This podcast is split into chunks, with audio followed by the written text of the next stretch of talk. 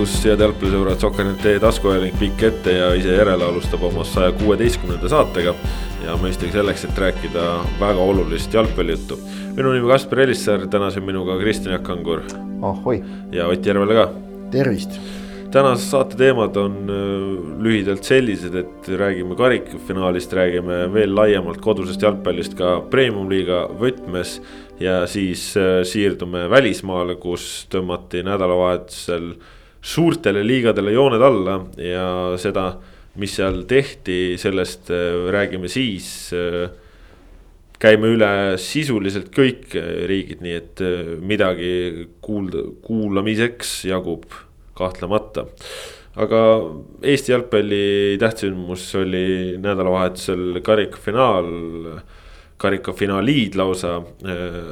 FC Flora naiskond eh, tegi siis oma töö ära kindlalt Pärnu vaprusele noh, mõned šansid jäeti, aga kolm-null võit ja, ja seal noh, ütleme, et üllatust. Sete Tammiku kaks-null värav oli väga kaunis. see oli ilus jah, ilusti kasti tagant ristnurka et seal nagu üllatust ei sündinud ja noh, nagu mängujärjel Vaprus ise ütles, noh, Kristiina Pannikovna oleb BJK aegadel. see teine koht oli nagu noh, valus alla neelata, aga praegu nagu täitsa saavutus, et eh, Vapruse naiskonna jaoks ju vara, varasemast midagi taolist ei ole.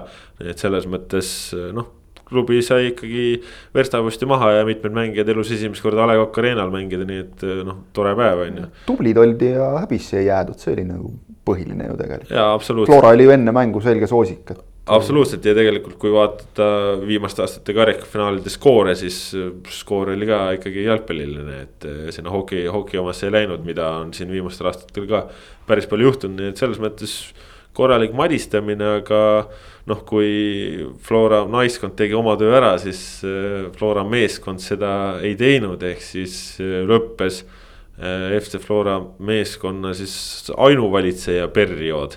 Kus siis viimastel aastatel kõiki tiitleid on enda käes hoitud ja noh, Flora, kes siis oli nädala keskel premium-liigas äh, sel samal väljakul Levadia neli-kaks äh, alistanud, siis nüüd äh, ei suutnud äh, ikkagi sellist mängu teha ja, ja väga hea meel Levadia üle, üle kolme aasta siis esimene karikas, üks-null võit Robert Kirsi ülepea väravast. Noh, selline hegemoonia on murtud ja, ja noh, ma, ma ise ütleksin isegi, et see on nagu. Eesti jalgpallile selles mõttes nagu selline vajalik tulemus, et ühest küljest Levadia saab usku juurde, et on võimalik.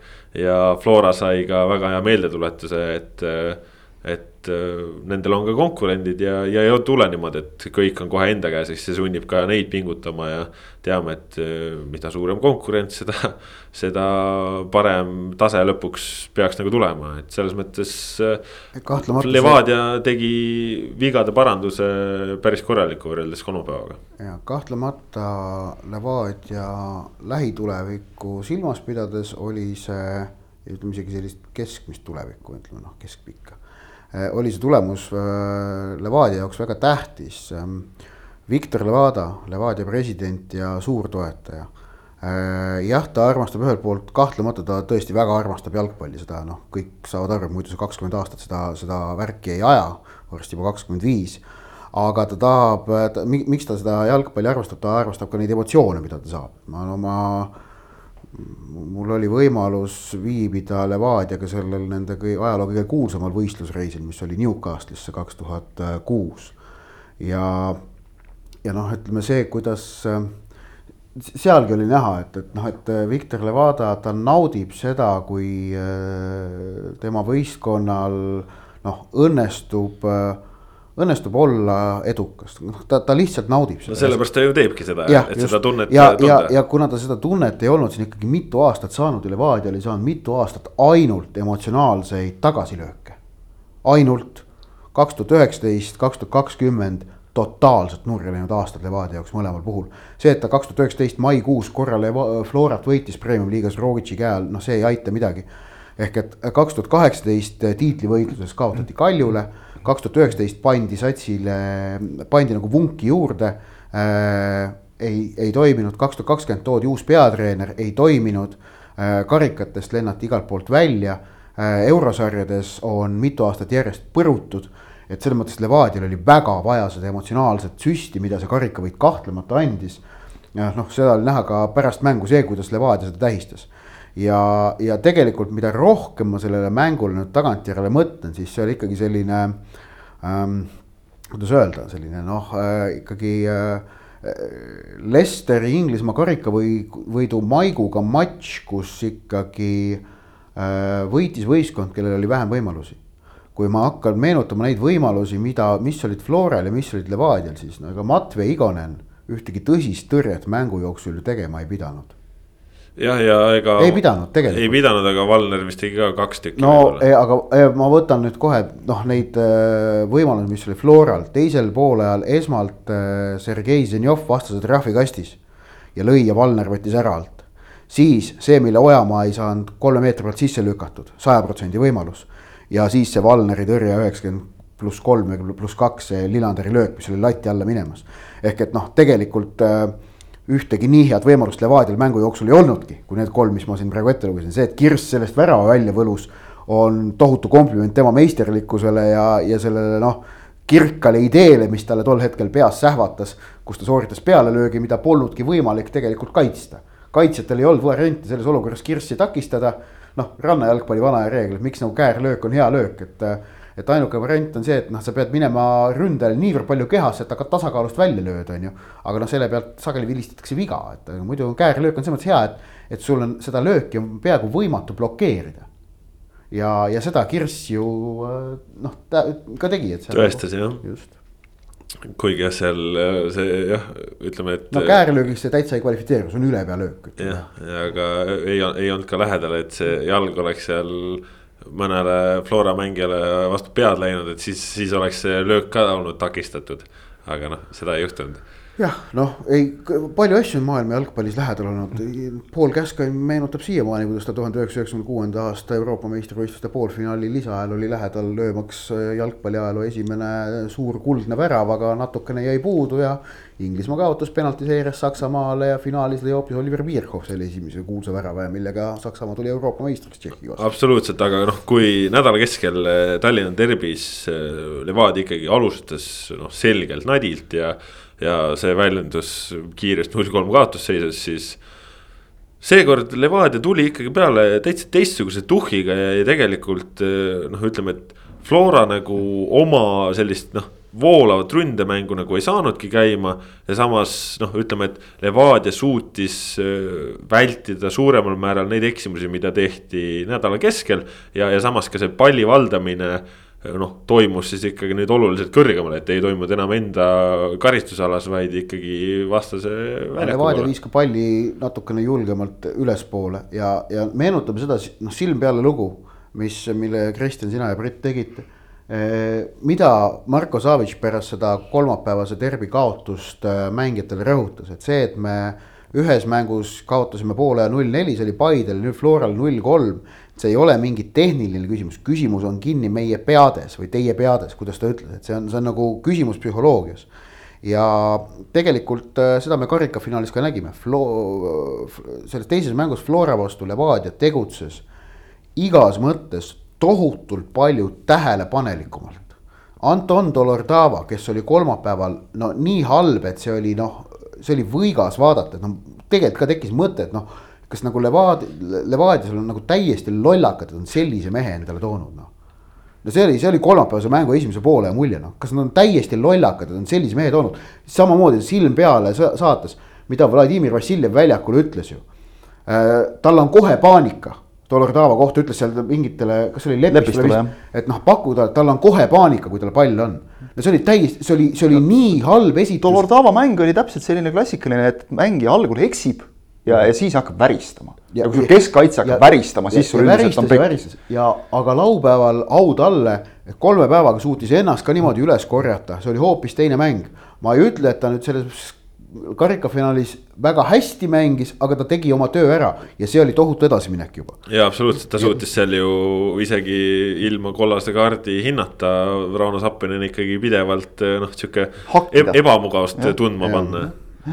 Ei, sai hakkama ja ütleme, need vead, mida tehti äh, nädala sees liigamängus, need olid ju suuresti individuaalsed vead. et, et seal oli nagu väga raske ka, ka nagu taktikaliselt nüüd noh, jah, suurim probleem, kui seda nüüd tõesti nagu taktikaliseks veaks lugeda, oli see, et palli liigutati liiga aeglaselt, liiga kartlikult loomulikult muidugi, eks selles oma süü oli Floral, kes nende väravatega nagu selle eneseusu ära tappis kohe kiiresti, aga, aga ennekõike lihtsalt oli peeglisse vaatamise koht. ja, ja, ja jah, Otil on õigus, et selliseid häid võimalusi karikafinaalis oli Floral rohkem, aga eriti teisel poolel vähemalt mulle nagu tribüünilt vaadates tundus, et, et see mäng oli nagu pigem Levadia käes ja kontrolli all ja mis oli võib-olla kõige üllatavam, oli see, et seitsmekümnendal minutil lõi Levadia üks-nulli ära, kakskümmend minutit mängida. me oleme tavaliselt harjunud, et siis sellises olukorras Flora noh, võtab mängu enda kätte, hakkab suruma.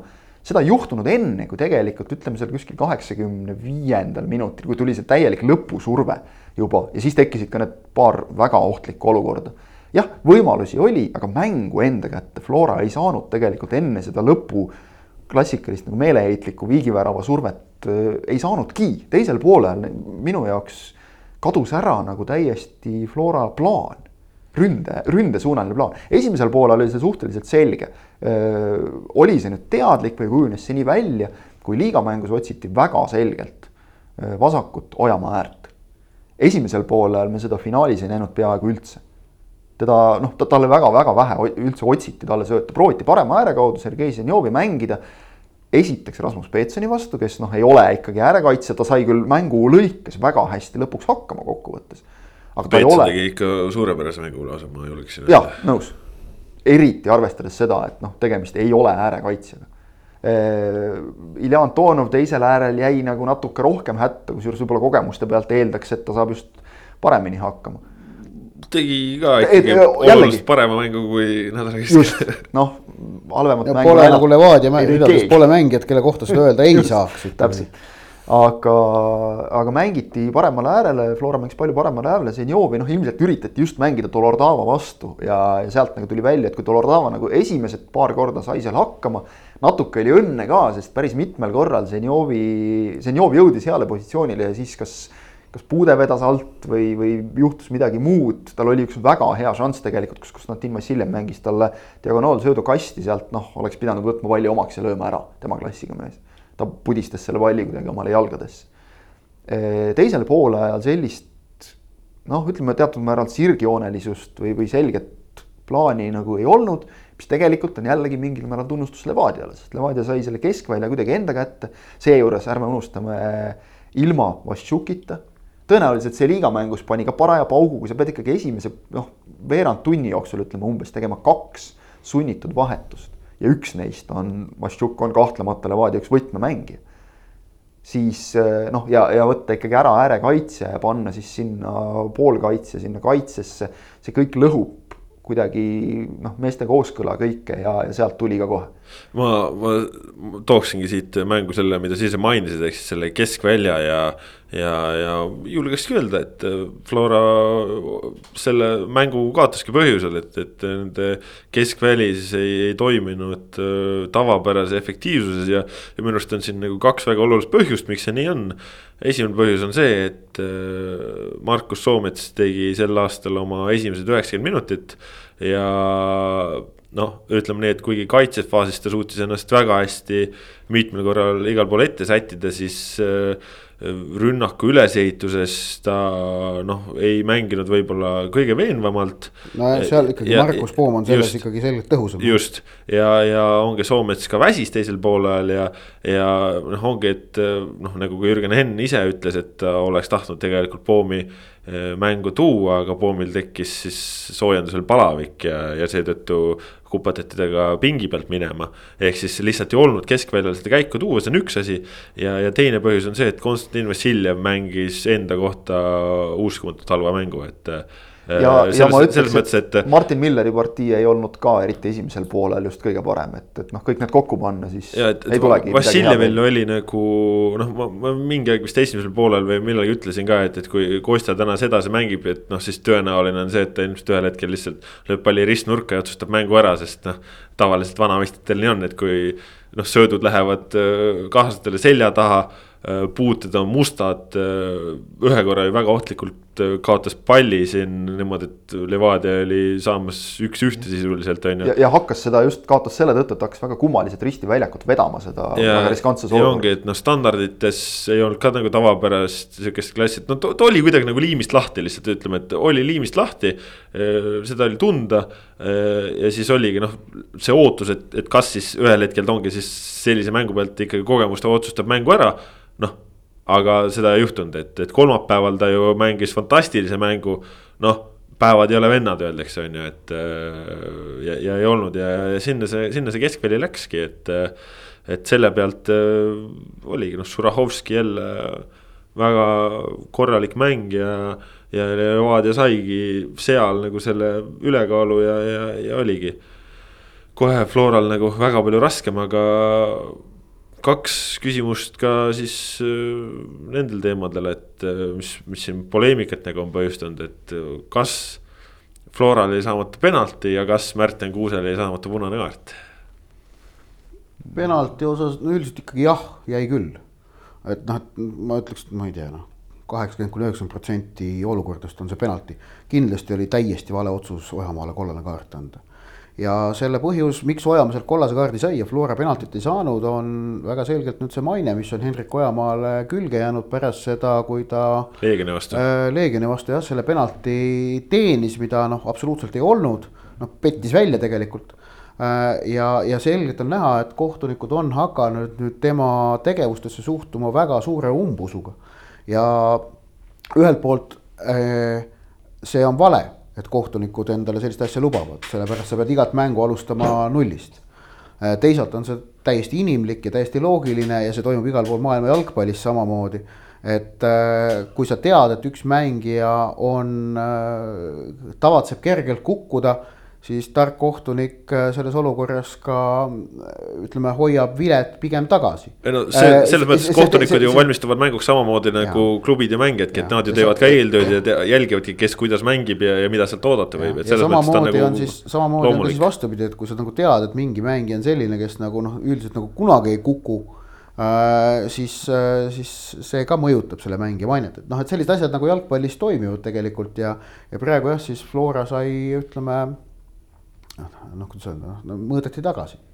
ja noh, ma, ma penalti osas ütleks niimoodi, et äh, jah, et sihukestest asjadest on antud, aga võib-olla ei oleks ka andnud, aga, aga see kollane kaart oli jah. täiesti, täiesti selline, et või võib anda, võib mitte anda ja noh, kohtuniku otsus puhtalt. aga jah, Rimo Hunt, Rimo Hunt, keda ei saa mitte ühestki otsast süüdistada Flora lembuses, no mitte kunagi ei ole Rimo Hunt olnud Flora suur sõber, ütles selle kohta, et kindel penalti no,. kuigi muidugi noh, Rimo Hunt ründajana on, on jällegi natukene no, ka asi, heas no, mõttes kallutatud no, ja peabki olema. no oleme ausad, no Rimo aga... Hunt ja Flora, no ja. need ei käi kokku pigem ei käi.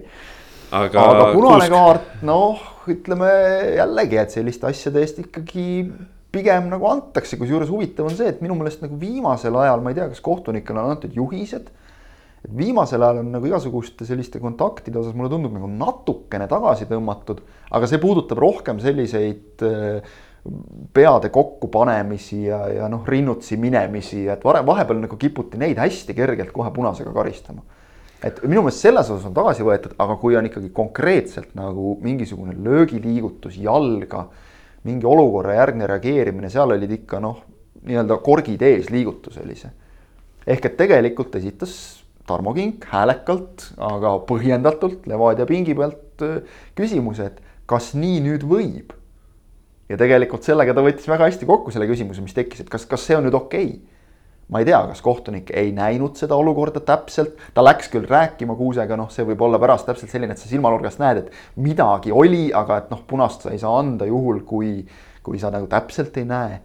aga noh, vaadates nagu kordust ja vaadates siin Seal on, on- on, vaatad- Eesti liigades on olnud siin, siin madalamates liigades äh, nagu täpselt samasuguseid näiteid, sealt tuli vist isegi üks pluss üks ehk et äh, Viktor Plotnikov konkreetselt, et öö, ei ole väga palju erinev olukord, täpselt samamoodi tehti viga ja reageeris lihtsalt sellega, et nii-öelda noh, maas olles lükkas jala sirgeks, aga kui sa lükkad selle niimoodi, et korgid ees vastasele jalga, siis üldiselt see pigem on, on punase kaardi vääriline ja see ei ole minu meelest ei ole see päris esimene kord, kui Kuusk niimoodi reageerib. kusjuures siin täpselt tuleb minu arust mängu see, et Kuusel on eh, hea maine. see mõjutab natukene, see võib natuke mõjutada, ta ei tee tavaliselt selliseid liigutusi, üliharva tal niisuguseid juhtub. ja võib-olla natukene mängib see mingit rolli. no mina arvan, seal oli üks asi, mis mängis rolli, oli see, et äh, koht, kus see intsident juhtus, oli kõikidest abikohtunikest väga kaugel. kindlasti oli see ehk oluline. et äh, ühel pool, see, see oli siis ütleme selles väljaku nurgas, mida abikohtunikud jälgisid kõige, no üks oli neljakümne Ne- meetri no kaugusel 40 ja teine oli neljakümne meetri kaug- või viiekümne kaugusel, neljas kohtunik ka neljakümne meetri kaugusel. ehk et tegelikult mit-, noh, ja punane kaart on selline otsus, kus sa pead tõesti noh, sellises olukorras eriti, sa pead sada prossa kindel olema. kindlalt nägema. ja keegi noh, see, see on loogiline, et keegi neist ei saanud seda no ütleme, et, et keegi neist seda niivõrd selgelt ei näinud, see on loogiline. ja kui Fischer ise vaatas tol hetkel mingit muud asja, noh ka, et, et äh, sellist, ütleme, sigatsemist äh, minu meelest äh, noh, kui kohtunikul jääb selline asi nägemata, siis see tegelikult ei saa seda väga palju ette heita, sellepärast et noh, et seda ei saa nagu eeldada. noh, kusjuures sama asi on tegelikult sageli minu arust ka noh, simuleerimisega, et simuleerimise õnge minek, seda nagu kohtunikule ette heita, seda on väga keeruline tegelikult. noh, see, see, see, see nagu ei ole, et, et, et jaa, aga, aga mis puudutab ma, ma lihtsalt ütlen ühe asja siia nüüd, natukene seotud asi, reaktsioon äh,, reaktsioonide karistamine, täiesti mujal, muude, muude kohta hüppan.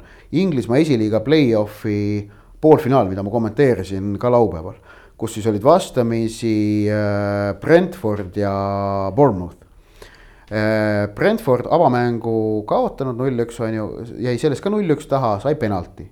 Ja Ivan Tšunil lõi penalti sisse noh, selles mängus üks-üks seis, võttis palli, hakkas keskjoone poole jooksma, Asmir Begovic, Bournemouthi väravat, jooksis talle selja tagant äh, juurde ja äh, rabeles ta käest palli ära, lõi tal palliga ta käest lahti, võttis enda kätte.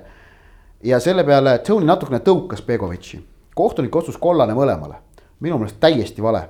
sellises olukorras Begovicile kollane ja Tony'le öelda, et tubli poiss, niimoodi peabki tegema. selles olukorras Tony'lt vastureaktsioon on täiesti põhjendatud ja seda ei tohi karistada sellistes olukordades ei tohi, tuleb karistada ainult seda, kes on süüdlane ja süüdlane on see, kes äh, sigatsemisega alustab. vastureageerimine mõistlikkuse piires, Tony ei tee midagi vägivaldset, kahe käega rindu natukene, see on väga okei okay. no kohtunikud annavad tihti sellistes olukordades selle teise kollase minu meelest lihtsalt selleks, et noh, nii-öelda nagu Ja. maha rahustada. ja aga vot ei tohi, aga vot siin on nüüd see küsimus just, et kui palju sa nagu rahustad ja kui palju tekib jälle seda siis, et antud juhul siis Tony'le, sellele teisele poolele jääb hinge mingisugune ülekohtu tunne see ei rahusta, see ole- võimendab. ja oleks ta noh, ütleme kindlasti see Tony vastureaktsioon ei ületanud seda piiri, mis oleks nagu, et noh, et see oli nagu midagi sellist nagu noh. no tõuge, tõuge saab olla agressiivne ja mitteagressiivne, eks ole. jah, see, see see on oli põhjendatud reaktsioon, aga noh.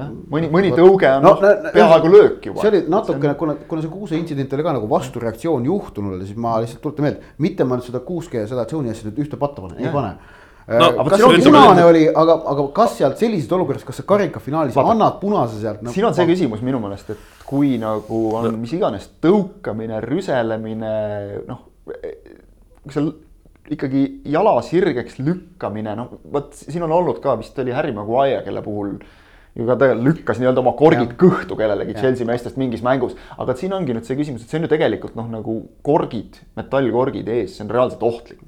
See, see või see võiks olla nagu võrdsustatud lo- minu mingi loogika järgi nagu ütleme näiteks noh, sihiliku löögi või löögikatsega saad pihta või ei. aga nüüd küsimus, et vaata, et noh, et äh, punane on ette nähtud siis, kui see on nagu vägivaldne Jah. või agressiivne.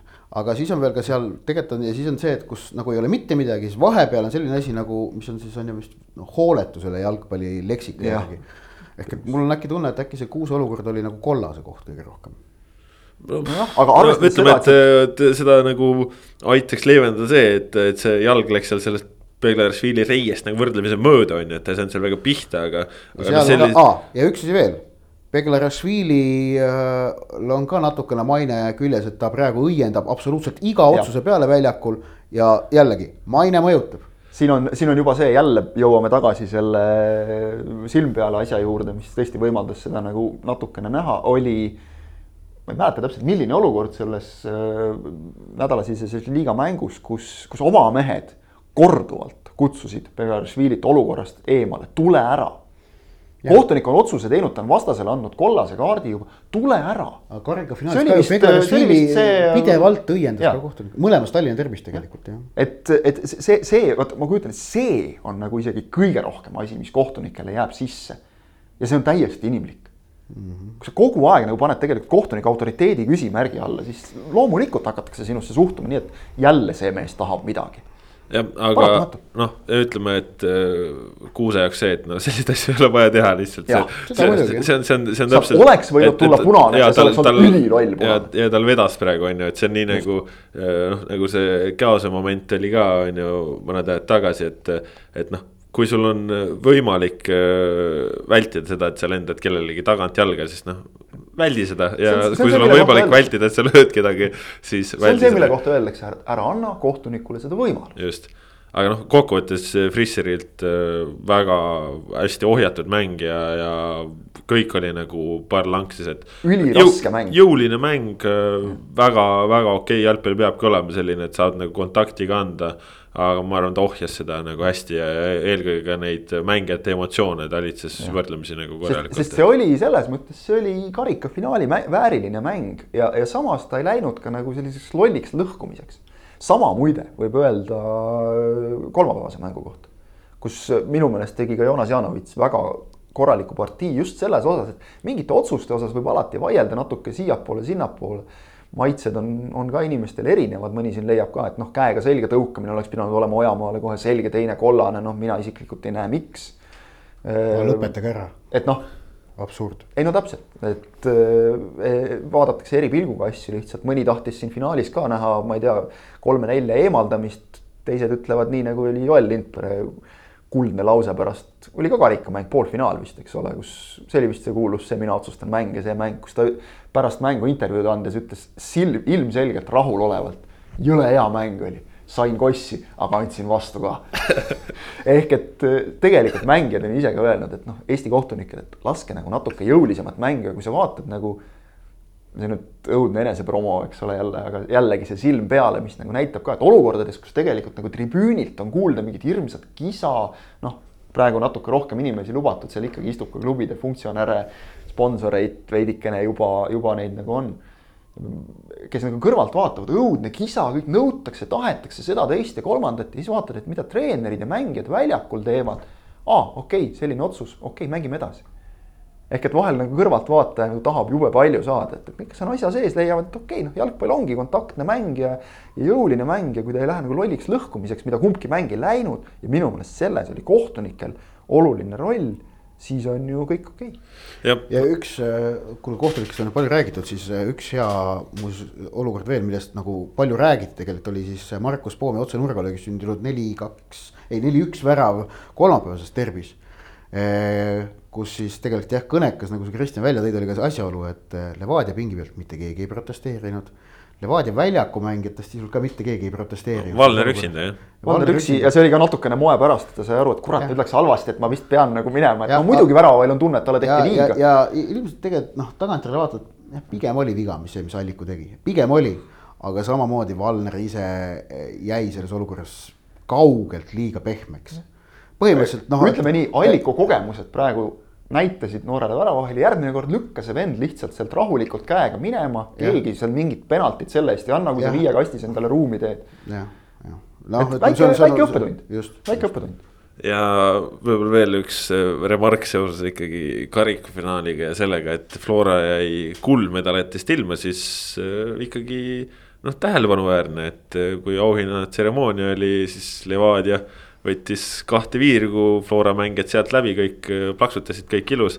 aga kui oli hetk, et äh, Levadia saab medalid kätte, siis enam ühtegi Florakat pildil ei olnud, et noh, selles Kus mõttes. pildil?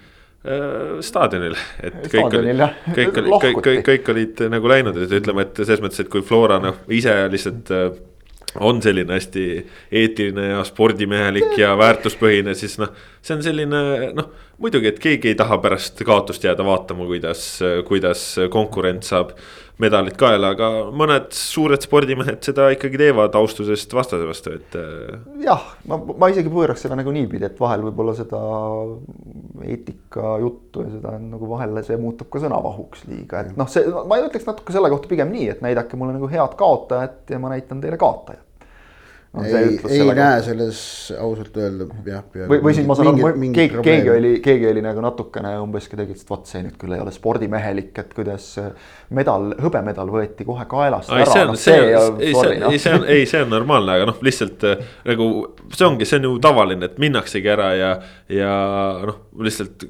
kuulsin ka mängu järgselt ühte, ühte sellist äh, noh, tabavat no, äh, ikkagi, ikkagi ütlust jah, et, et kui Levadia puhul oleks olnud okei okay,, tavaline arusaadav, siis Florast ei oleks seda oodatud, kuulsin sellist lauset lihtsalt ja. ja no. siis ma mõtlesin selle peale, et no tõesti, et, et meil siin ju hiljuti oli kell välismaalt hea näide, see oli äkki Itaaliast, kus karikfinaali kaotajavõistkonna kapten äh, plaksutas, nutis samal ajal, aga noh, see, see, see, see ongi selline. maitse asi no,, täiesti. ja ei, see ongi, me ütleme, see, selles ei ole kokkuvõttes midagi valet, aga kui sa tahad olla nii suur eeskuju, sa tahad olla tõeline spordimees, siis noh no vaata, siin on see Av. avalda nagu tunnustust, on ju. siin on see just, et kui me räägime, see on nüüd see legendaarne, me jõuame selle no, inimeseks, inimeseks kas, kasvatamise. kas sa väidad, et Flora, selle... Flora ei avaldanud oota. tunnustust Levadiale või?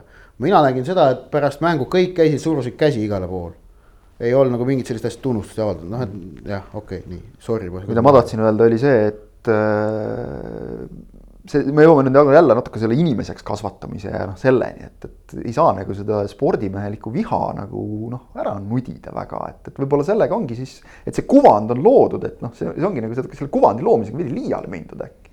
äkki on see pigem nagu, et sealt tulebki just see, et vot Florat ei oleks seda nagu oodanud, noh miks, on minu küsimus mm, -hmm. minu meelest täiesti normaalne. et äh, see on täpselt, see on, see on see, mis sa nagu ütlesid, hea, jumal tänatud, et Levadia võitis seda teravust on vaja praegu, on ka Florale vaja seda, sest meil ei ole euromängud ei ole kaugel enam, et noh. Floral on siin eelmisel hooajal oli ka näha natukene seda, et, kui sul ikka kõik asjad nagu välja tulevad, noh seda mugavust veidikene ja see mugavustsoon, siis ma olen täiesti kindel, et Flora treenerid on ka väga teadlikud sellest, et see on suurim oht no absoluutselt, liigas on ju vist kakskümmend viis või, või pluss mängu juba ilma kaotuseta, et selles mõttes mm. kodumaa pinnal jah, tuli, tuli. väga hea vastu näppe saada kord. kulus marjaks ära jah. kulus ära Levadiale, kulus ära Florale ja noh, kulus ära ka selles mõttes teistele, et, et ükskõik kes nüüd nagu Flora vastu läheb. et noh, just nagu Ott ka ütles, et ega Levadia ei teinud nagu mingit suurepärast mängu.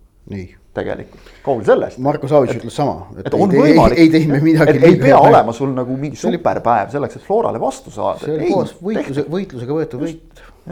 jah, aga nädala keskel mängiti kodumaal muud jalgpalli ka, et tervist me oleme siin juba rääkinud äh, mitmel puhul ja, ja segatult, et sellel eraldi pole vaja peatuda, aga ikkagi. noh, paar verstaposti nädala keskel oli, Viljandi tulevik sai oma möönast jagu alistasid äh, Paide siis nii nagu Paide alistas nemad äh, hooaja eelnevas omavahelises kohtumises, ehk siis väga hilisest äh, väravast ja, ja ikkagi noh, klassiga ründajaväravast, Kaimar Saag, õige mees õige koha peal, üheksakümmend pluss kaks nurgalöögist peaga võrku ja, ja Paide hopsti. kapteni värav.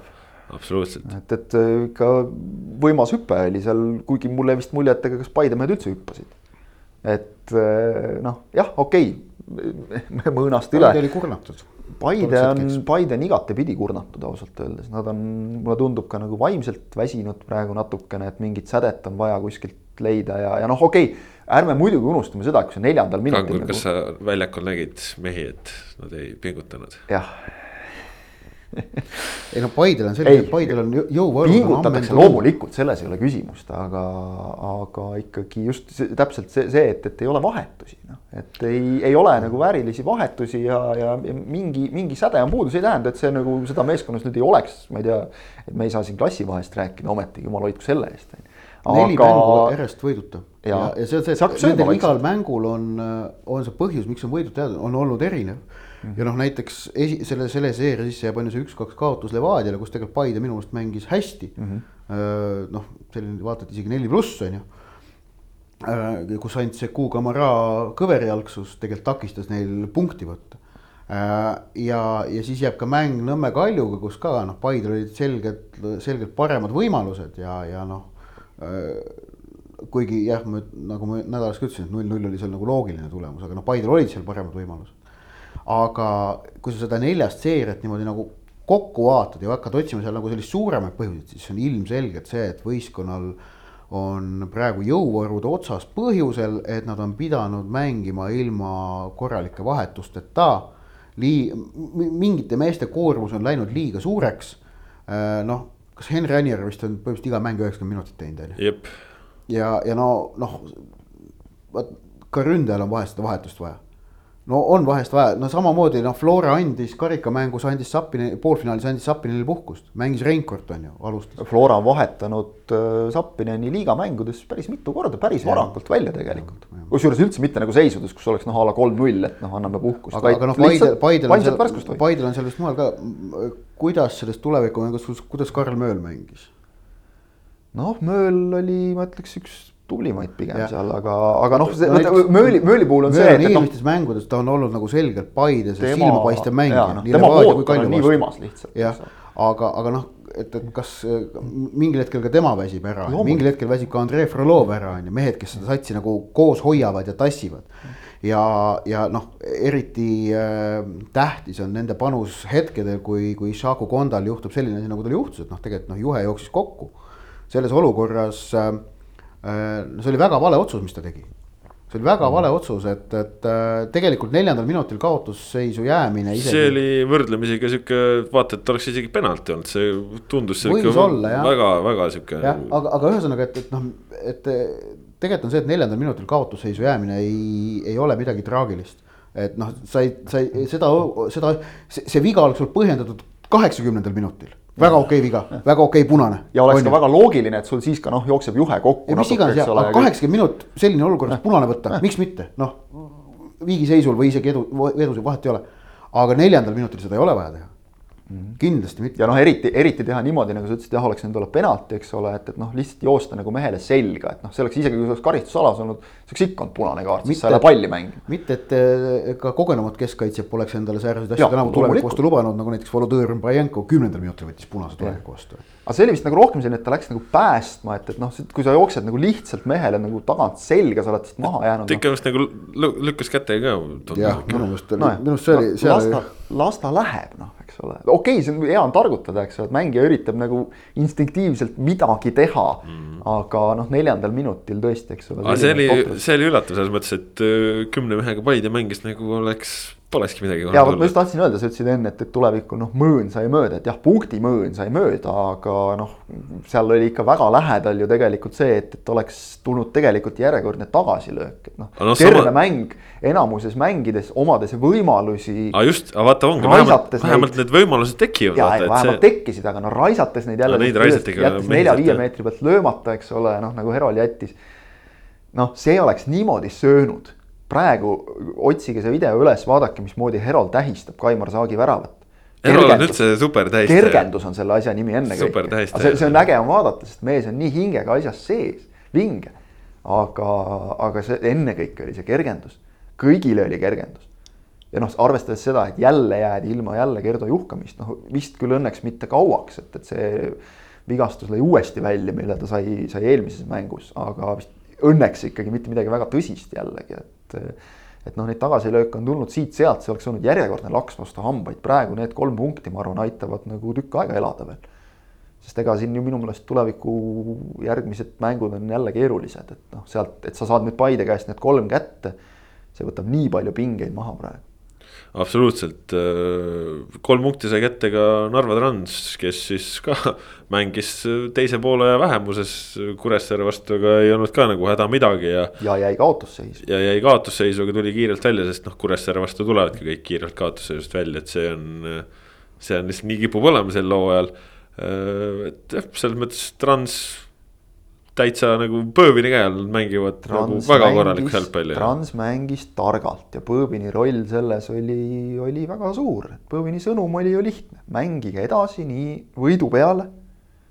nii nagu te enne mängisite ja minu meelest Põõvinil on oskus hoida mis on Transis suhteliselt oluline, võib-olla olulisem kui mõnes teises meeskonnas, hoida vajadusel asjad lihtsana. lihtne plaan, neil on seal piisavalt palju mängijaid, kes on võimelised nagu ise oma peaga otsustama asju, noh ennekõike Sakar Ljuka. ülejäänutel peab olema, neid tuleb hoida ohjes, samas noh, mõistlikult. aga Trans ei lähe sel aastal keema jah, just, aga see töötab okay., tänu sellele äh, töötab, et neil on tuli plaan. kasuks, tuli kasuks ka see, et Nikolai Burdakovi Kuressaares ei olnud et kujutage ette, kui Burdakov oleks olnud pingi peal ja oleks sealt tulnud, oleks ta näinud oma silmadega, kuidas seal pingi ees. Ramazanov kohtunik võtab esmalt kollase taskust välja, siis paneb selle taskusse tagasi, võtab punase. Äh, kusjuures ma kiidan Ramazanovit selle otsuse eest, minu meelest, äh, minu meelest see oli pigem õige otsus ja noh, see on kindlasti otsus, mida nagu seal kohtunike keeles siis seda toetatakse. kiitkem siin ka abikohtunikku, aga selles mõttes võib kiita, et Ramazanovil esimene mäng premium-liigas ja teha noh, selline ütleme keeruline otsus, aga jah, võib ju vaielda, õige, ei teha, teha selline otsus ja, ja see, et, et noh, sa otsustad ümber, see nagu näitab ka mingit julgust, seda on, on vaja ja ütleme, et sealt nagu punase andmine vale nüüd kindlasti ei olnud. jah, jah. see, see jäi tele, telekaamerasse vist ka natuke nagu halvasti, et noh, kui kõrgel see jalg täpselt oli, aga see, see oli nüüd täpselt, kui sa rääkisid siin Kuuse olukorrast enne, et abikohtunikust kaugel, siis tegelikult see oli nii neljandale kohtunikule kui abikohtunikule nagu suhteliselt hästi nähtav, külje joone juures võrdlemisi keskjoone lähedal sealt tuli ka, mulle tundus signaal, ta rääkis üle. seal oli, seal oli signaal ka see, et Larsenil olid, olidki sääre marja peal vist äh, jäljed, jäljed näha, et selles mõttes noh. kui kohtunik äh, näeb seda, see on nii nagu, et kui kohtunik näeb, et veri on väljas või jalaluu on murtud, et siis ta reageerib sellele. järelikult oli viga ikkagi. aga Transilt on ju hea esitus äh, ja, ja selline terviklik esitus. jällegi tähelepanelik ja hoolikas esitus ning äh, nüüd on huvitav näha, et neid ootavad ees nüüd äh, sel nädalal mängud esmalt Floraga kolmapäeval ja siis Paidega laupäeval. mõlemal puhul on Trans kodus, ei mingit reisimist. Nad on saanud nendeks mängudeks nüüd nädal aega rahulikult valmistuda, teha trenni. Äh, noh, ütleme nii, et ma, ma ei julge öelda seda, et ma oleksin üllatunud, kui Trans sealt kaks kaotust saab, aga kindlasti on nii Floral kui Paidel väga selge libastumiskoht üleval seal selles Narva mängudes. Transi puhul ongi distsipliin, noh, on alati olnud nende selline suurim võimalik komistuskivi või selle kadumine. kui ma meenutan mängu Floraga, mis läks neil täielikult aia taha, mis oli põhimõtteliselt kümne minutiga tehtud, siis seal oli täpselt see, et mängule mindi lohakalt peale. ja oligi kõik, selle kohta ütles Põõvin pärast mängu väga hästi, et eh, ta sõnastas kuidagi, et venelastel on oskus nagu hästi elegantselt öelda teinekord halvasti et Äh, meil oli hulk mängijaid, äh, kes ei täitnud oma funktsiooni jalgpalliplatsil. Midagi sellist umbes. et, et siis, kui selline asi juhtub, siis, äh, siis, siis Trans laguneb, aga seda on, see vist enam-vähem ainukene kord sel hooajal, kus nagu nii unts on mäng läinud. Yeah.. ehk et, et ülejäänud kohtumistes, noh, võtame kasvõi sellesama, see oli ju Tammeka vastu, kus ka jäädi kaotusseisu ja, ja siis nagu mobiliseeriti ennast ja, ja see ongi just see, et anna Sakarjukale vabad käed, mõnele mehele veel, ülejäänud hoia nagu ohjes. ja see töötab. jah, ja hästi mänginud ka Kleep Jevtsov, kes siis nüüd äh, selle puhul sai ründajaga kaheaastase lepingu Transilt, nii et. Äh, on minu jaoks selle hooaja üks sümpaatsemaid üllatusi, et, et Trans on oma seda ründajat otsinud ja siin ei olegi isegi oluline, kui palju väravaid. leidsid selle poolkaitsest. leidsid selle poolkaitsest. ja Kohtla-Järvelt. just, täpselt kodule kõige lähemalt põhimõtteliselt, ei ole vaja kaugele Venemaa avarustesse minna üldse. et polegi niivõrd tähtis minu meelest, kui palju Pevtsov nagu väravaid lööb tingimata, vaid lihtsalt see tema noh, ta sobib sellesse meeskonda, mängija tüüp. presents on hea. Presents jah, kasutades Eesti ühe parema, Eesti ühe parema kultuurikriitiku lemmiksõna, siis tervisi talle ka. võib saatagi tervisi Jamesile, Viljandi tuleviku fännile, ehk võit tuli või jah, ja üks mäng oli veel, Nõmme Kalju pakkus siis Vaprusele nädala jooksul teise, seitse-üks. mäng eeldab seda, et väljakul on kaks võistkonda, kas me saame seda selle mängu kohta öelda? pigem ei saa. kui kohe alguses endale jälle paar tükki ära ehitatakse, siis on ju väga raske mängida. no Vaprusel on ikkagi seis on praegu halb. Vaprusel seis halb ja. nüüd on halvaks läinud järsku. Nõmme Kaljul on no, nagu, hea. Nagu pidasid mõnda aega vastu ja suutsid äh, kenasti noh no suures plaanis täitsa okeilt nagu siin Premiumi liigal vastu hakata, aga praegu nüüd on ikka järjest, järjest käest ära. kusjuures käest läks ära pärast koroona isolatsiooni.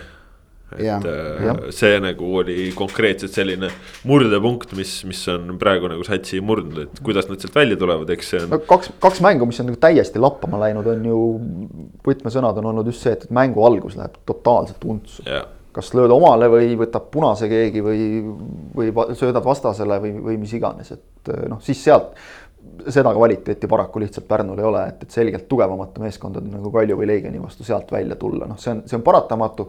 aga mis on muidugi halb nende jaoks, on see, et need mõlemad mängud on läinud nagu täiesti käest ära. Ja Kaljule oli seda vaja väga, just Super- nimelt sellist sellist asja, et noh, vajutadagi maa sisse pärast seda null ühte eriti veel ja noh, üleüldises plaanis. Aga Kaljul noh, ütleme kaotusi on, on ju ka sellepärast, et noh, Odilavia nüüd, kes tegelikult läks juba ammu noh, tähelepanuväärne oligi see, et seitse-üks, seitse-üks võidumängus väravad jaotusid ühtlaselt, ehk Jah. siis. ei noh, tegelikult seda nagu on ju noh. aga noh. mehi eraldi, kes. mehi, mehi eraldi on, aga seda ühte konkreetset ei ole, ei olnud ka seal ja, ja nüüd noh, ongi, et Odilavioga ka, et nägemist ja No ja Veremejev saadeti ka ära. jah, oleme ausad, Odilavia noh, ei ole ju, ei ole mõtet vigast meest hoida siin nagu välismaalast, milleks, noh, ta ei püsinud terve, ta ei ta oli püsinud. juba mõnda aega tagasi Eestist ära läinud ju. jah, ta läks, jah, ta läks jah. aega tagasi, jah. et noh, see nüüd öeldi ametlikult välja. Veremejevist loobumine tähendab siis nüüd seda, et, et ta nagu, kuidas öelda, kaotas äh, play-out'i Giannis Tsivelikidisega.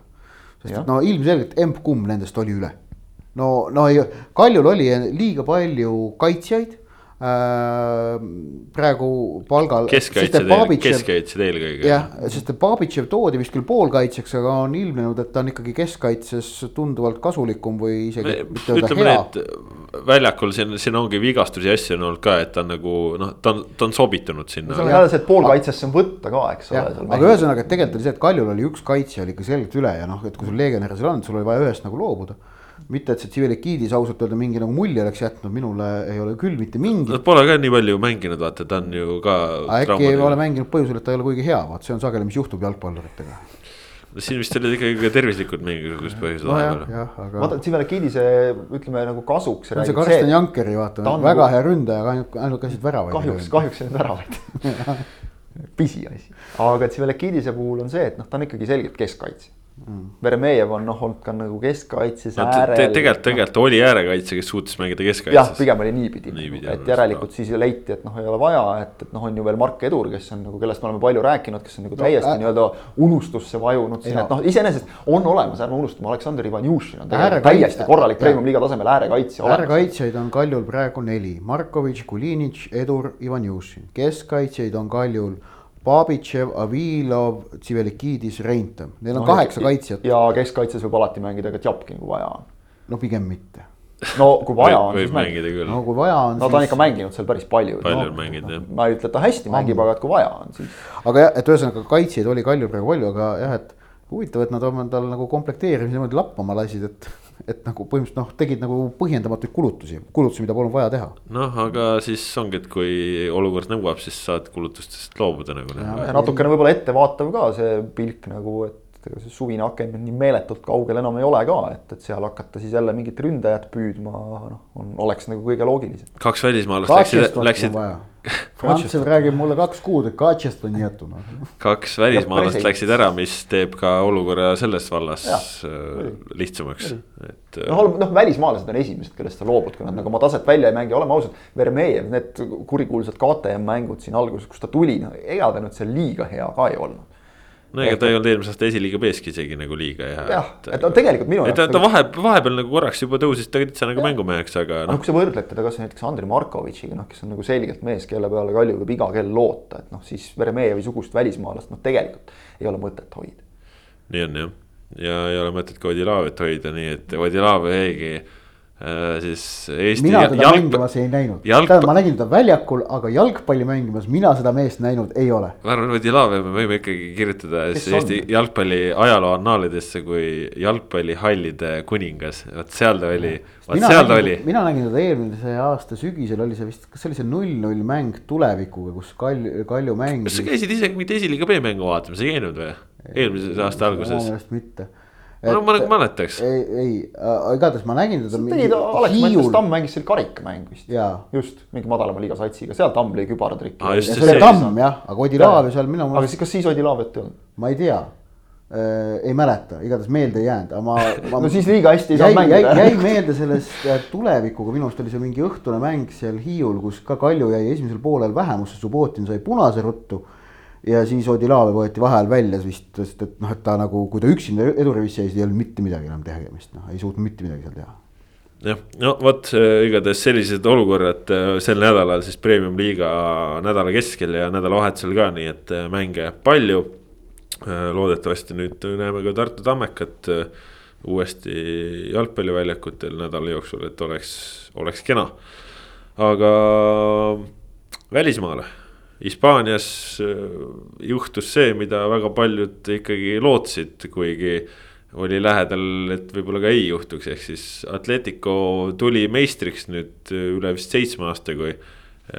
kui arvepidamine klapib. kaks tuhat neliteist viimati jah. ja, ja oli siis viimases voorus ka ikkagi pull olukord, kus Atletico jäi Valladolidi vastu kaotusseisu, Real jäi selle peale Via Reali vastu kaotusseisu.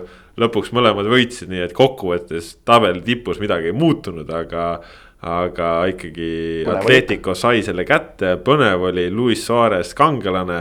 mees, kes Barcelona jaoks oli liiga vana, nüüd tassis noh, ikkagi väga suurel määral äh, Atletico meistriks, pisarad, rõõm. Äh, ütleme nii, et äh, noh, jalgpalli selline muinasjutt ikkagi sündis ja.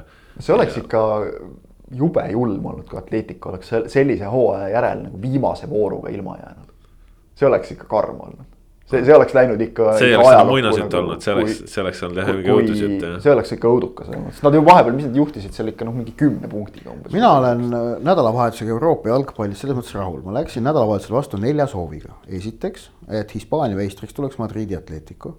teiseks, et Prantsusmaa meistriks tuleks äh, Lilli Olympique kolmandaks, et Torino Juventus jääks välja esinelikust ja meistrite liiga kohast ilma. ning neljandaks, et Leicester City jõuaks esinelikusse ja meistrite liigasse ning soovitavalt Liverpooli kulul, sest Liverpool on Chelsea'st suurem pahalane superliigas. Äh, seal on see väikene vahe nende kahe vahel on, kuigi kokkuvõttes olulist vahet muidugi ei ole.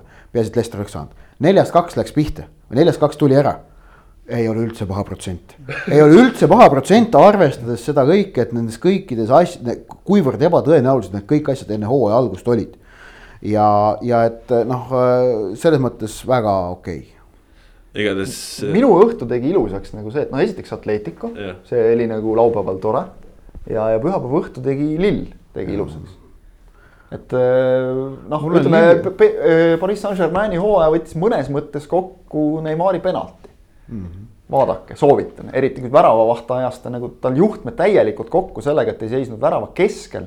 vaid seisis rohkem nagu ühe nurga poole, jättis ühe nurga vabaks, Neimar vaatas, oh, vaba nurk tegi oma kakskümmend seitse tantsusammu ja lõi sellest vabast nurgast sirgelt mööda ehk noh, okei okay,, lõpuks võeti oma kaks-null ära, aga, aga see, et Lill selle kätte sai, ma, ma ei tea, kuidas eetris nagu.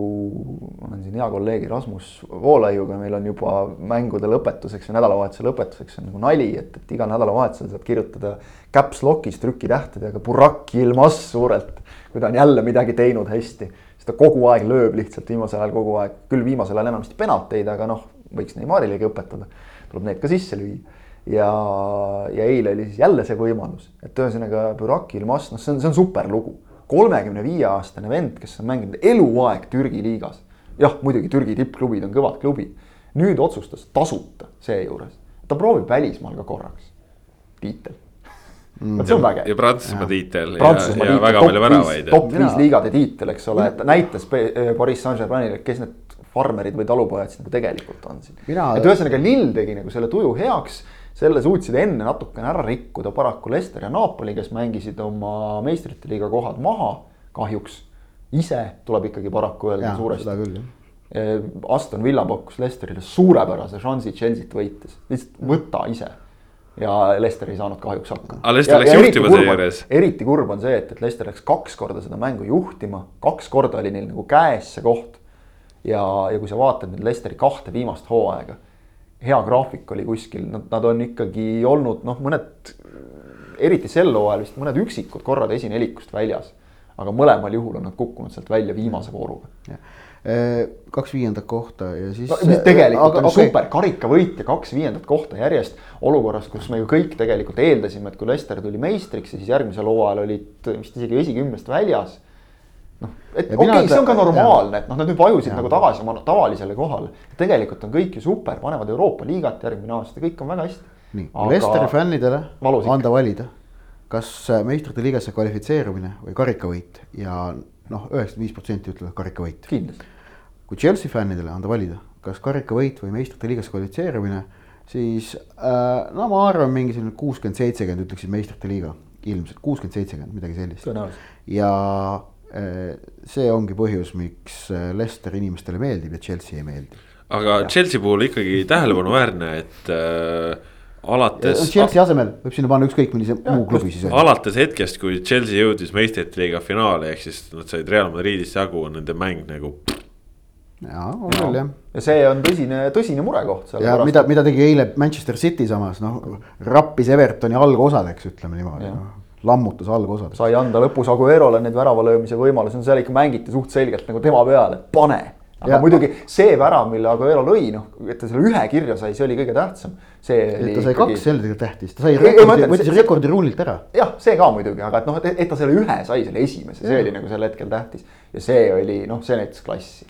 Selline aga... löök tagumisse posti, aga just täpselt see, et, et see on, see on nüüd nagu nii-öelda meistermeeskond.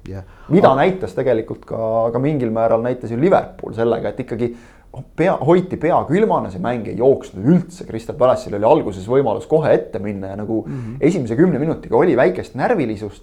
ja siis asi rahunes, löödi ära, teisel poolel kontrolliti väga rahulikult, see, see oli nüüd selline meistriklass tõesti. tänu puhul... sellele vääriti ka seda esinelikusse pääsemist. Aguero puhul ei tasu nüüd alatähtsustada ka seda varianti, et äh, ta noh, võib veel öelda ka oma viimasena meistrite liiga finaalis kahtlemata mm. ründaja, kes on sul kaks väravat niimoodi löönud, on sul vahetust tuues oluliselt nagu tõhusam ja ohtlikum relv äh, psühholoogilises mõttes ja tuletame meelde, et meistrite liiga finaalis on äh, võistkondadel viis vahetust, erinevalt Premier League'is, kus on kolm vahetust, ehk et see noh, kolme vahetusmehe sekka Aguero pigem meistrite liiga finaalis, ma arvan, pigem ta ei mahuks, aga viie sekka, sõltuvalt mänguseisust, võib ta vabalt mahtuda Äh, kui Cityl on seis, noh, kui väravat vaja on. ehk et see on nagu noh, see, see on veel üks lisaasi, mille siit ja, nüüd sai. kindlasti äh,, Chelsea puhul on ülioluline on praegu see, et, et esimese poole järel vahetati väravavaht välja.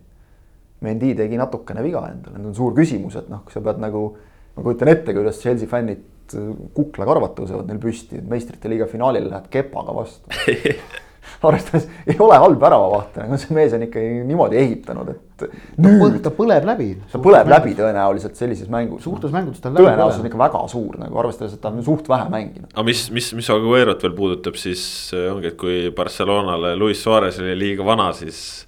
Kun Aguero.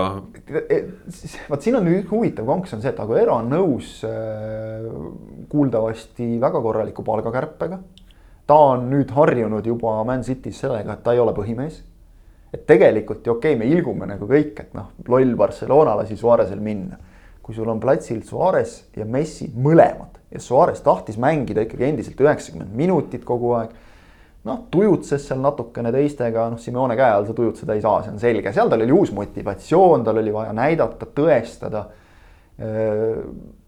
igati loogiline, noh, tal ei ole ju tegelikult vanust noh, me räägime siin vanad mehed, vanust pole ollagi ju tegelikult seesama Buraki mass on kolmkümmend viis, noh, et see on. kolmkümmend viis on uus sihuke kakskümmend kaheksa. see, see on suurepärane, see on. see on nagu see, kus nagu tõustakse. see on veel. üli, üliäge trend isegi, et jalgpallurite karjäärid on pikenenud siin viimastel aastatel. no see, et sul neljakümne kolme aastane Buffon mängib nagu kulda, okei okay,, väravavaht, aga noh, neljakümne kolme aastane. kolmekümne üheksa aastane Zlatan Ibrahimovitš, noh. eks, ja, ja sa, sa nagu unustad ära, et Zlatan on kolmkümmend üheksa. Ronaldo on ka kolmkümmend kuus juba. just ja hüppab ikka sama kõrge eks ole. et noh, see on, see, see on väga, väga, väga, väga tore muutus. see on professionaalsus, see on taastumine, kõik Just. see, ütleme võib-olla suurim hüpe spordis, mis on toimunud äh, viimase kümne-viieteist aasta jooksul, on taastumine taastumisvahend. ma ütleks isegi, ma ütleks isegi kümme on, on selline. kümme on isegi täpselt. just sellest, nüüd on näha, kuidas see reaalselt viimase viie aasta jooksul pikendab karjääri, et varem juba yeah. lõpetati kolmkümmend kolm, kolmkümmend neli. praegu vennad panevad kolmkümmend viis, kolmkümmend kuus, kolmkümmend seitse. Jamie Vardi on kolmkümmend neli mängib nagu kakskümmend üheksa okei okay,, seal on, annab natuke rolli ka see, eks ole, et ta koondisest loobus, et, et noh, no ta nagu targalt vaatamata oma koormust. tüüp kuradi ma joob Red Bulli ja nagu teatas pärast karikavõitu, et noh, hommikuõine oli muidugi McDonaldsi hommikuõine mul, mis mul iga, iga. no Vaadi puhul on juba see on suur samm edasi, et ta on lihtsalt noh, nagu õlle joomise maha jätnud aga, aga, aga jõudes nüüd nagu ringiga asja juurde tagasi, siis see, et, et hoida nagu Suarest ja Messit korraga väljakul. noh, mehi, kes me teame, et ütleme, kaitsetegevus ei ole nende trump. See noh, oli Barcelonal ikka mingis mõttes nagu hukatuslik, et selles mõttes Suaresest loobumine oli noh nagu arusaadav, see suudeti muidugi korraldada väga halvasti ja, ja koledalt, tekitada temas nagu maksimaalne soov Barcelonale ära panna noh, see läks nagu vähe untsu, iseenesest samm kui selline noh, ei olnud tingimata vale võib-olla. aga noh, praegu on muidugi hea öelda, et noh, lollid. Praegu on hea öelda, mul on äh, selles mõttes hea meel äh, Jan Oblaki üle. ma julgen küll öelda, et ta on ikkagi tänasel päeval maailma parim väravaht, et äh, see, kui Tõrje, vähe ta laseb omale. võib-olla jah, võib sinuga nõus olla, kas ka tervikmängus no, on- vaata, Ja, natuke- Jan Oblakile on väravahina väga vähe asju, mida ette heita, et. äh, natuke raske on hinnata selle tõttu, et Atletico kaitse on lihtsalt nagu nii okei okay,, et seal ees. ei, ma ütleks, et Oblak, see, kui palju ta tassib ja, ja see, et kui ta on viimase, ma ei tea mitme hooaja jooksul lastud omale mingi alla kolmekümne värava sisuliselt iga, et noh, see on no, Ütleme, täitsa, täitsa sürreaalne vend. väga vaielda, väga vaielda nagu ei tahaks antud juhul, olen pigem nõus. aga mulle, mulle meeldis see, kuidas ta lihtsalt võttis selle tiitli ära ja statkast eemale fännidega tähistama, et see oli kihvt noh. kas äh, Jan Oblak on kõige tugevam Euroopa jalgpallur, kelle kodumaa ei kvalifitseerunud tänavu EM-ile? see on, ma arvan, päris, päris täpne võimalik, määratlus. päris võimalik jah. et noh, et jätame kõrvale need, kes vigastuse tõttu minna ei saa. ja, ja see, see on päris Kes- täpne määratlus, kes sest noh, ta on, ikka. no kes, kes seal veel võib olla? no Põhja-Iirimaalt, Iirimaalt me ei leia kedagi, serbialased. Ei, ei, ei ole sihukest, venda ei ole olemas, noh. Oblak on, no, noh. keegi siin võib vaielda, et mingis. Kellegi jala, kellegi jalaga aga- mäng, mis iganes on kuskil elemendis. Rumeenia, ei, ei ei, noh, see, kuidas Oblak tassib äh, satsi, noh, sellistele kõrgustele, see on, noh. see on täitsa võtame, võtame kasvõi uskumatu. sellesama Barcelonaga mängu noh. ma nägin, ma nägin mingit statistikat Nimetõrje. Twitteris, noh, see oli. no äkki isegi on jah, äkki mõtlesin välja, mõtlesin välja praegu sellise huvitava tiitli talle. Et. anname ära, mis siin ikka. anname ära jah, jah, meil on õnneks portaali üles läheb, siis on kommentaarid, kui me sealt teada saame, kui me kellegi ära unustasime. jah, jah. aga, aga jah, see, see nagu ütleme värskendab, noh, seda tahaks ju, et, et ei ole nüüd see, et minul isiklikult nüüd tingimata ka ei ole seda, et, et ma olen Leicesteri poolt, sellepärast et ma olen hullult nagu Chelsea, Liverpooli või kellegi. samamoodi mul on väga hea meel, et West Aga- Ham United just- jõudis Euroopa just- liigasse. oleks, mul on kahju, et. Evertoni hooaja lõpp nagu vihises tühjaks Jah. nagu mädanud kõrvits on ju. Et, et nii neil noh, neil läks, lõpp läks ikka väga kehvaks. huvitavad elukogemused. ma, ma, ma, ma, li, ma leidsin praegu nüüd selle, selle pildiga üles, mida ma Twitteris nägin, Jan Oblak siis viimasest eh, kuuest hooajast on olnud Hispaania kõrgliiga parim väravaht, nendel hooaegadel on ta lasknud enda selja taha kaheksateist palli, kakskümmend üks palli, kakskümmend kaks palli, kakskümmend üheksa palli ja kakskümmend viis palli, et noh, täitsa mm. ei no ta on väga hea väravavaht, siin ei ole küsimustki üldse. Mina küll ei oskaks nagu kedagi temast praegu ettepoole sättida, et, kes nüüd nagu nii selgelt tast parem oleks, kui ma mõtlen siin tippliigade väravavahte. no et mingi periood või võis olla see Alisson on ju, aga ta praegu. ei, Alisson on sel hooajal teinud ka. ma, ma räägingi, et mingil perioodil, aga samamoodi jah, et siis noh, väga öö, tervitatav oli, et üks oli Atletico tuli meistriks, see, et meil veel neli vooru enne lõppu, viis vooru enne lõppu oli variant, et Sevilla võib hoopiski meistriks tulla, et see, see variant oli täitsa nagu olemas. Et, et Real Betis jõudis eurosarja, et äh, Prantsusmaal Lill tuli meistriks, noh, kõik need asjad annavad niivõrd palju juurde, et Atalanta jätkuvalt on meistrite liigas ja, ja Itaalias esinelikus noh, need asjad on head, need, need, need annavad jalgpallile väga palju juurde, Berliini Union jõudis eurosarja. just no., lõpuminutitel löödud väravaga, mis staadioni täiesti hulluks ajas, et see, see kõige ägedam oli see, et viimane voor ikkagi noh, enamikus kohtades äh, oli ju see, et, publik oli tagasi. Publik oli tagasi ja See noh, seda oli näha, palju see annab nagu mängijatele ka energiat, see, see on ikkagi see, see on see, mille nimel nagu ütleme, võib-olla meie Eestis nagu ei ole nii harjunud, aga mujal maailmas jalgpallurid on nii harjunud sellega, et sa, sa nagu annad midagi, sa saad selle energia, saad tribüünidelt tagasi. kõik see on olnud aasta, üle aasta puudu Kasper, kuidas meil seisud on siis, kaugel Eestis publiku naasmine on? noh, seda peab äh, küsima Vabariigi Valitsuselt, et. Äh, jah, kõige ohtlikum asi Eesti Vabariigis endiselt on spordi vaatamine välitingimustes. et äh, jah see ma arvan, et meil siin, varsti. siin, siin praegu jah, et ja. koha, kohalikus. kas, kas jalgpall... praegu nagu selgus, et sina ei otsustagi seda või? mina jah. paljastasid. mina oleks minu otsustada, ma lubaks nad tulla küll juba, et jah saaksin natukene kodumaal ka seda vürtsi juurde, aga jah ah,, see. üks liiga, millest me. oota, me siin on veel tegelikult ju paar asja, ma tahtsin veel öelda. Garrett Bale ka ikkagi jalgpallur. kogu aeg jalgpallur olnud, see on nagu vaata, see nagu vahepeal nagu öeldi ka, et, et mis see võrdlus oli siin, see meistrite liiga finaalides mängitud minutite ja siis Bale'i meistrite liiga finaalis löödud väravate arv või midagi sellist, et, et noh, tegemist on kogu aeg jalgpalluriga olnud. aga mida see tähendas, et ta jalgpallur oli, oli see, et Arsenal noh, saab selles mõttes, võiks minna nüüd superliigasse ka, sest. sest UEFA karistused eurosarja pääsedes seal no, protsendid no, hüvitad, siis noh, ei juhtunud seda. Arsenal näitas jah tarkust üles, nagu me siin ironiseerisime juba paar nädalat tagasi, me ei saagi eurosarja ühe asja unustasin mainimata nendest ilusatest lugudest. Äh, Portugal karikafinaalis Praga võitis Benficat. noh, ka selline ja. äge asi, vot sellised asjad on ägedad, et need juhtuvad. ja need on niivõrd tähtsad jagamaks seda jalgpalli vaimustust nagu noh, laiali seesama, mida me rääkisime siin Eesti selle karika, karikafinaali näitel, et kõik tunneksid, et jah, on võimalus, on võimalus.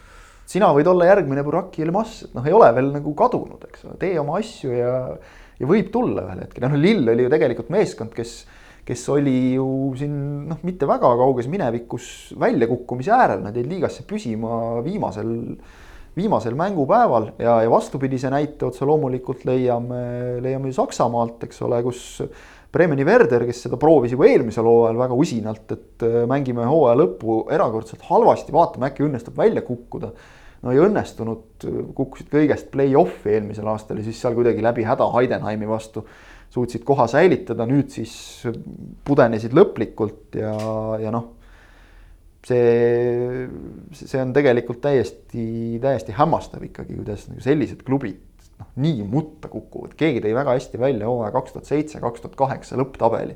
meister Bayern, selles osas muidugi ei ole midagi muutunud teine Bremeni Werder, kolmas Schalke ja neljas Hamburg. ja nüüd on nad kõik Bundesliga-st, kõik need kolm on Bundesliga-st väljas. Schalke noh, täiesti häbiväärne hooaeg, võib öelda. Werderilt äh, täiesti arusaamatu hooaja lõpp, kuidas sa suudad saada viimase kümne mänguga ühe punkti. tegelikult nagu meeskonda nagu on, tegid veel täiesti jabura lükke, tõid oma legendaarse treeneri tagasi viimaseks mänguks. noh, loomulikult ma ütlen ausalt, kui ma seda uudist nagu nägin, mõtlesin, et praegu teil oleks ausalt öeldes nagu paras, kui te nüüd lendaksite ka. peatreener, kes on teid nagu tassinud ja hoidnud, eks ole, ja, ja jätnud eelmisel aastal püsima, keda te enne ei ole välja vahetanud, te siis viskate mehe enne viimast mängu üle parda. no see nagu eeldada, et see nüüd meeskonna sisekliima nagu imeliselt üleöö korda teeb, ei tee said Gladbachilt kohe neli tükki sisse, noh ja oligi tehtud see asi ja loomulikult lõi Köln kuskil kaheksakümne kuuendal vist üsna lõpus, et ikka nagu draamat ka oleks. lõi, lõi oma ühe ära ja sellest piisas. ja lõi oma ühe ära ka Robert Lewandowski, kes siis sai neljakümne ühe värava peale ühe hooajaga siis nii palju kotte Bundesliga-s, sellega võttis üle rekordi väravate, ühe hooaja löödud väravate osas siis Gerd Müllerilt, kes siis sai äh, samal ajal Eesti Jalgpalliliidu esimeseks asepresidendiks. tuleb otsida uusi väljakutseid, siis kui rekord on käes. aga hakkame lõpetama. hakkame, hakkame ma, vaikselt lõpetama. jah aga..., et hea uudis Eesti jalgpallile veel siis säärane, et tõepoolest vaatasin siin natukene tarku lehekülgi ja äh, nädalavahetuse erinevate tulemustega Euroopa erinevates riikides on saanud kindlaks see, et FC Flora on meistrite liiga esimese eelringi loosimise asetatud meeskondade seas see on siis hea uudis, mis tähendab, et vastuseks ei saa tulla näiteks Zagrebi Dinamo või Razgradi Ludogorets või Malmö või Cluj või Varssavi Leegia ega ka mitte Ferencvaros või Tiraspoli Šerif, isegi mitte Tbilisi Dinamo või Vilniuse Žalgiris. Aga siis halvem uudis on see, et vastuseks võib tulla näiteks Helsingi jalgpalliklubi Hoiko, samuti on Baku Neftši seal valikus, Bodø Glimt. Nii et ega midagi lihtsat muidugi ei pruugi oodata, aga tõsi on muidugi see, et noh, šanss saada vastu noh, näiteks Gibraltari või mingi, ai Gibraltari meister. ärme Gibraltarit kõva häälega mainime selles kontekstis. Okei okay, jah, aga ei no ühesõnaga noh, tegelikult noh, see kahtlemata suurendab Flora šansse äh, igatepidi, et noh, et seal. halvemaks ei tee, jah, jah. see on nagu selge kuigi noh, loos, loos võib olla ikka selline, et sa saad keerulisema vastase kui mõni, kes on seal asetatud seas, aga noh, nii ja naa ja. aga noh, nagu täpselt see, et mis on keerulisem vastane, et noh, võib-olla see Gibraltari klubi on, on hullem, see on võidukohustus nagu jälle, et lähed pingevabalt panema, siis on võimalik. ja igaks juhuks võib-olla täpsustan seda Gerd Mülleri asja ka, et, et kui keegi ei ole nüüd liiga täpselt jälginud, siis äh, Eesti Jalgpalliliidu esimeseks aseprendiks ei saanud siis sakslased Gerd Müller, Gerd Müller vaid äh, täitsa Eestimaa mees, kes on siis töötanud palju panganduses ja praegu Nordecanis ja ta on küll nime saanud Gerd Mülleri eeskujul ja, ja jalgpallis ka tal huvi on alati olemas olnud, aga jah, see oli siis tu tulemus, mis, mis tuli Eesti Jalgpalliliidu üldkogult, kus siis noh, valiti küll ka uus president, aga, aga ütleme, et ka Jalgpalliliit siis oma äh, pressiteates keskendus ikkagi, et on uus asepresident, see, et et äh, juhatust juhib edasi siis Aivar Pohlak, see sealt nagu noh, otsesõnu välja ei tulnud. no oleme ausad, et kui sul on nagu üks presidendikandidaat, siis ei ole ju mõtet nagu väga palju reklaamida ka, et ta nüüd võitis, et noh. No, selge, jätkab, jätkab ametis ja, ja. noh, nii ongi. jah. Äh, see arengukava ka, mis on järgmiseks neljaks aastaks tehtud, see on ka täitsa jalgpalliliidu lehel olemas, nii et sealt saab. ambitsioonikas ambitsioonikas, aga alla selle nagu ei ole mõtet ka, et noh, ma, ma kujutan ette, et mõni võtab selle lahti ja hakkab kohe naerma, et näe, plaan on jälle, jälle öeldakse, et tahame jõuda EM-finaalturniirile. Nagu alla selle ei ole nagu ka mõtet, siis oleks nagu teistpidi nõme, et ma, ma oleks küll väga kurb, kui pandaks nagu sihid, et noh.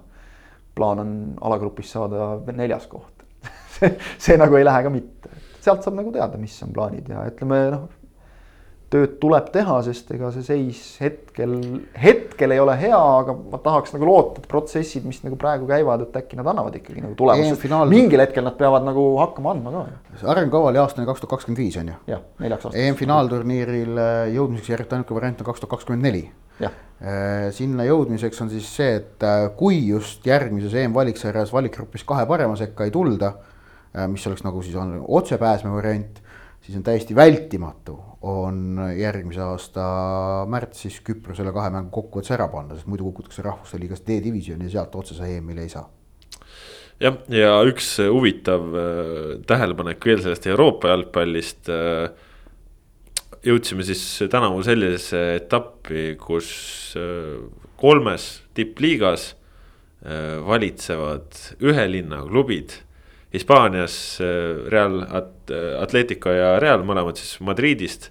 Äh, Inglismaal äh, Manchesteri klubid City ja United ja Itaalias üle aastate on juhtunud midagi nii erakordset, et tipus on kaks Torino, vabandust, jah ikka Tori-, Torino, mis, mis asja ma ajan? Milano, Mil Milano, Milano klubi, kaks Milano klubi, AC, AC Milan ja, ja. anname sulle andeks, et öelda, et Torino on tipus, see on päris harjumuspärane. ja see on nagu, ma ajas ennast ka segadust, aga tõesti, et Milan ikkagi spurtis ka ennast lõpuks teise koha peale välja, et äh, olid lähedal tiitlile, hooaja keskel mängisid selle maha, aga noh, olid ka lähedal, et oleksid võinud siin veel siin täitsa välja, välja langes suurest medalikonkurentsist. mingid eksimused on väga loomulikud, mina näiteks tahan miskipärast iga jumala kord nimetada Virgil van Dijk'i Liverpooli kapteniks.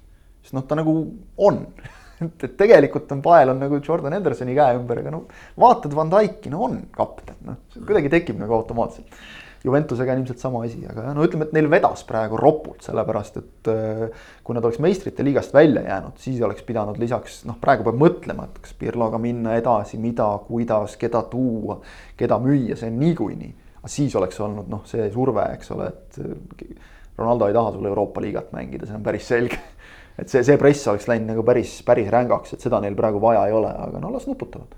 Ja... kulub, kulub ära, see on jälle väga oluline, et noh, kui sellest väga vabandan kõigi Bayerni fännide eest, kui saaks üks kuradi Bayernist ka lahti ükskord nagu vaheldust lihtsalt selles mõttes.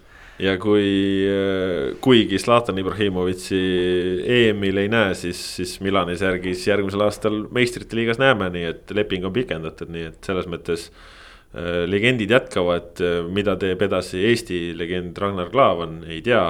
Kaljari eest igatahes viimases voorus üheksakümmend minti mängis, leping saab läbi. Mida tulevik toob, eks suvi näitab vahet ei ole, mis see tulevik toob, aga kui juhtus see olema Klaavani viimane mäng Euroopa viies tippliigas, siis jätkuvalt see on täiesti pööraselt vägev karjäär juba praegu olnud ning äh, ilma naljata tahaks näha mõnda Eesti jalgpallurit, kes selle asja järgi teeb. no peame ootama. see on, see, see on ikka.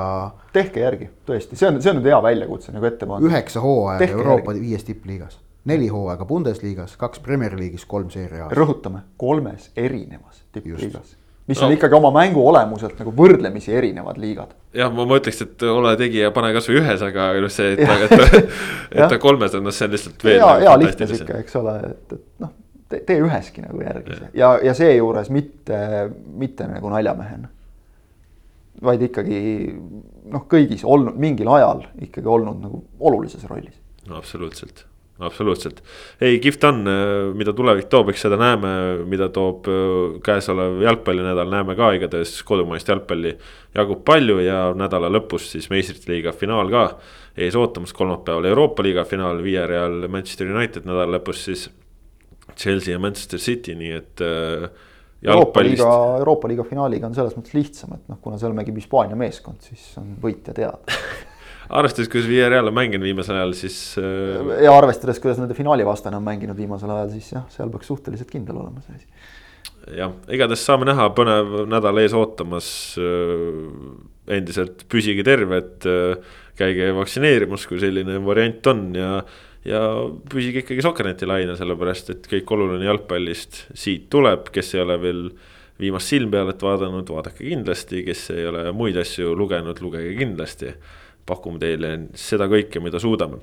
tänast saate tõid teieni Kaspar Elisser, Ott Järvela, Kristjan Jaak Kangur, aitäh, et olite. olge ikka jälle, adjöö